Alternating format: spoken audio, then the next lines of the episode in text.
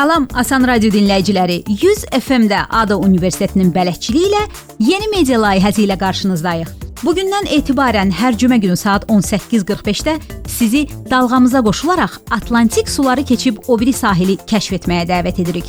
Hello America deyib Amerika cəmiyyətinin siyasi və sosial fərqlilikləri, ənənələri, mədəniyyəti barədə maraqlı müsahibələr və reportajlar təqdim edəcəyik.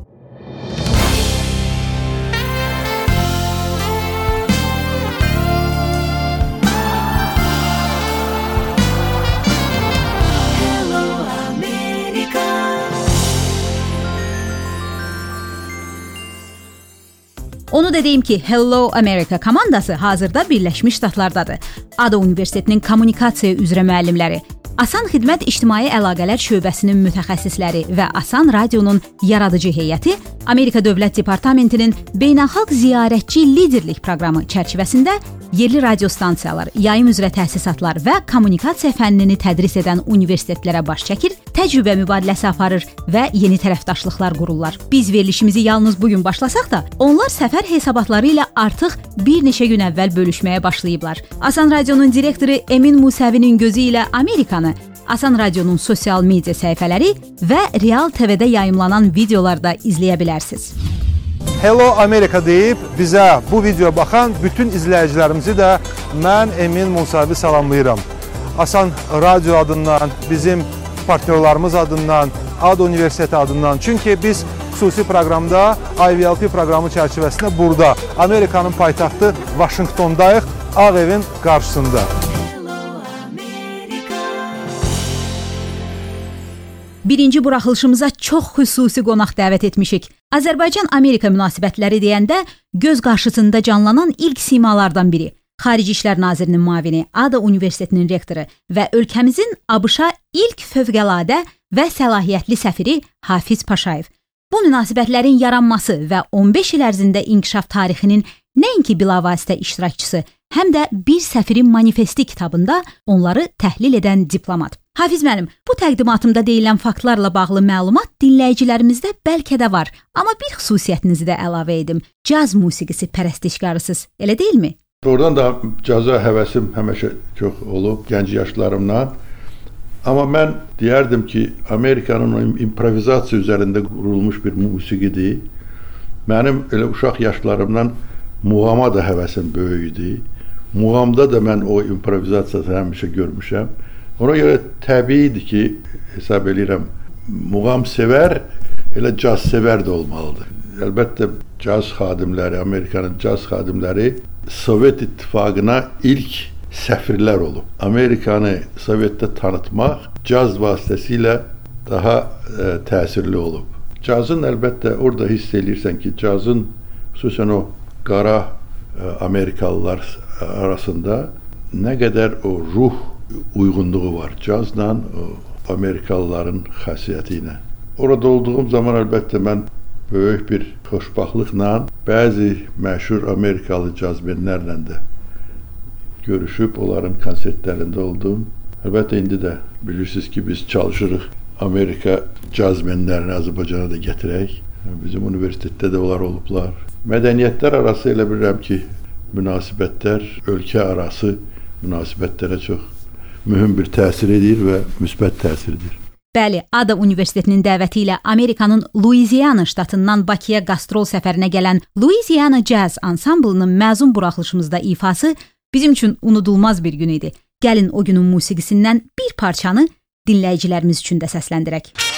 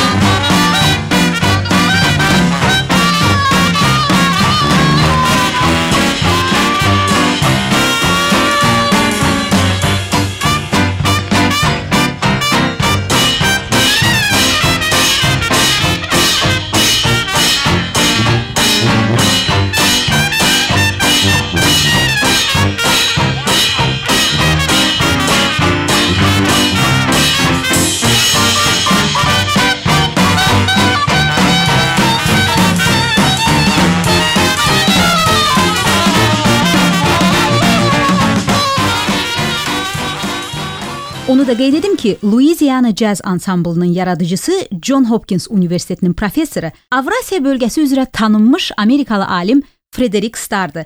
1980-ci ildə kollecdə çalışarkən o caz ansamblı yaradıb və özü də bu ansamblda bu günədək klarnetdə ifa edir. Ansamblın repertuarını 1930-cu illərin klassik Yeni Orlean cazı təşkil edir. Frederick Starr Bakıya ilk dəfə 69-cu ildə gəlib. Həmin səfərdə o məşhur cazmen Vaqif Mustafazadə ilə bir səhnəni bölüşüb. Hafiz müəllim, bəs siz özünüz hansı caz musiqisinə üstünlük verirsiniz?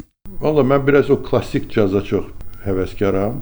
O, o sırada əlbəttə bu məşhur adamlardır. Louis Armstrong'dır, Ella Fitzgerald'dır, Oscar Peterson'dır, Duke Ellington'dır. Bu adlar elə bilirəm ki, çox ə, adamın qəlbinə oxşayır.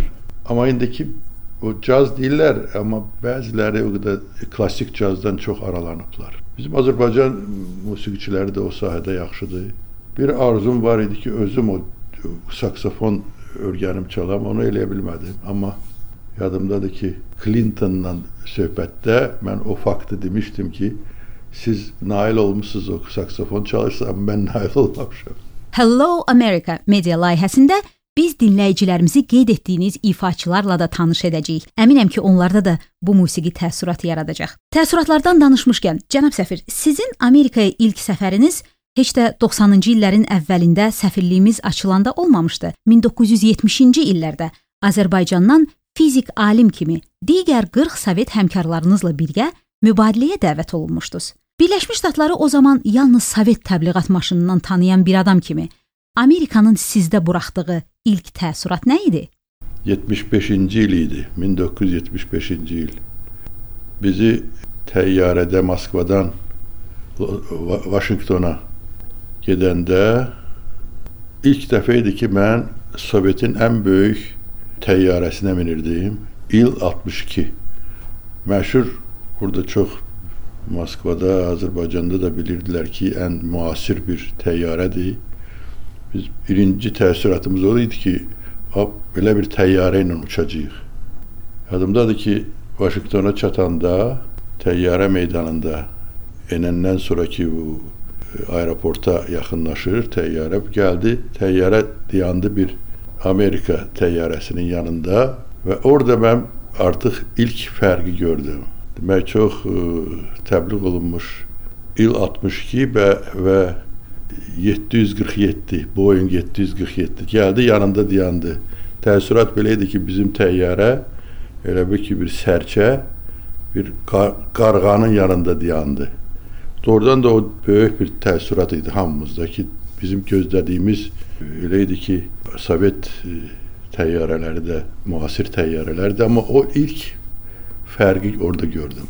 Hər şey kontrastla ölçülürdü də bizim üçün. Sovetdə o zaman o qədər o bazarlarda, dükanlarda o qırtlıq zamanı idi. 74-75-ci illərdə gedəndə ora düşdük o böyük bir fərqi gördük. O da bir kontrast. Sonra münasibətlərə, insanlarla söhbətlərə gəlsək, ilk təəssürat o idi ki, nə dərəcədə Amerika milləti deyim ya Amerika fərdlər söhbətlərdə hiss edirik ki, nə qədər Sovetlərdən qorxu var. Demək o atom bombası qorxusu onların elə bil ki, əsas bizi ilə münasibətdə, bizi ilə söhbətlərdə əsas sorğu-sualı o idi ki, niyə Sovet bu qədər Amerikaya nifrət bəsləyir? O da təbliğatın işi idi əlbəttə. Amerikada da öz təbliğatı var idi. Bəs elm aləmi, təhsil ocaqlarında necə bir fərqi gördünüz? 40 alim idik. İlk ayını Vaşinqtonda keçirdik birlikdə. Sonra bizi müxtəlif Amerikanın müxtəlif universitetlərinə göndərdilər. Bax bütün o işi, o 40 adamın e, demək idarəçiliyi. Bir xanım o zaman hələ internet yox idi. O zaman televiziya vasitəsilə o Skype-dı, belə müasir demək imkanlar o, o zaman yox olmasa da o bir telefonla ancaq bu 40 adamı müxtəlif universitetlərdə asanlıqla yerləşdirdi. Vaşinqtonda otura-otura. O əlaqələri e, qurdu və bizim bütün o lazım olan administrativ işləri gördü və bir adam o işi görə bildi. Yani bizde olsaydı onu bir institut gerek göreydi. Əlbəttə universitet, universitet təəssüratları çox bizi təsirləndirmişdi. Mənim o Irvine Kaliforniya Universitetində olduğum universitet e, çox gözəl təbiətli və landşaftlı və əlbəttə mən o fizika fakültəsində idim. Fizika fakültəsinin laboratoriyaları universitetin müəllim tələbə arasında münasibətləri mənim o Amerikaya o zaman getməyimin nəticələrindən biri oldu ki, o mən e, sonra bir səfir kimi seçildim və Amerikaya göndərildim. Mən əlbəttə tə, mənim həyatıma onun böyük təsiri olmuşdu.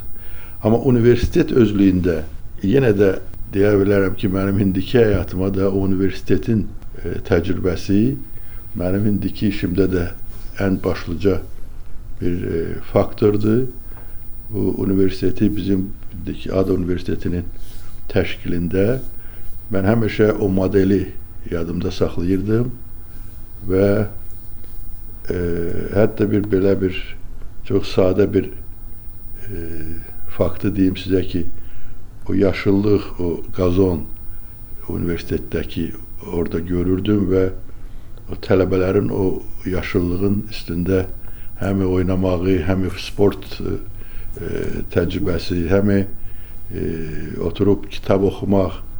Yadıma düşürdü ki, Sovet vaxtı o zaman qoymurdular. Hətta qazona bir toxunasan, qazon üzərində gəzmək olmazdı. Mən fikirləşirdim, ola bilərmi ki, bizdə də belə bir şərait yaransın tələbələr üçün. İndi bax mən indi özümün xoşbaxtlığımı onda görürəm ki, bizim universitetdə elə bir şey düzəldə bilmişik.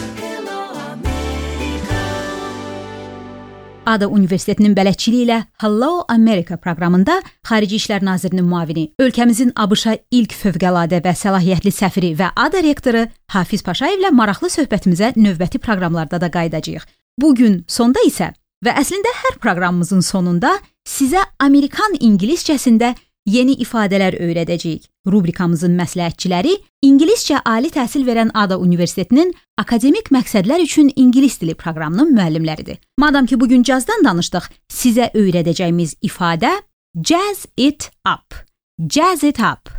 To jazz up feil kimi nə isə canlandırmaq, daha dinamik və maraqlı etmək deməkdir. Məsələn, əgər siz Azərbaycanca "Ada biraz dil oynayın da" demək istəyirsinizsə, Bunu Amerikan ingiliscəsində jazz it up ifadəsi ilə bildirəcəksiniz. Bu günə bu qədər. Gələn həftə 100 FM dalğasında görüşənədək. Hello,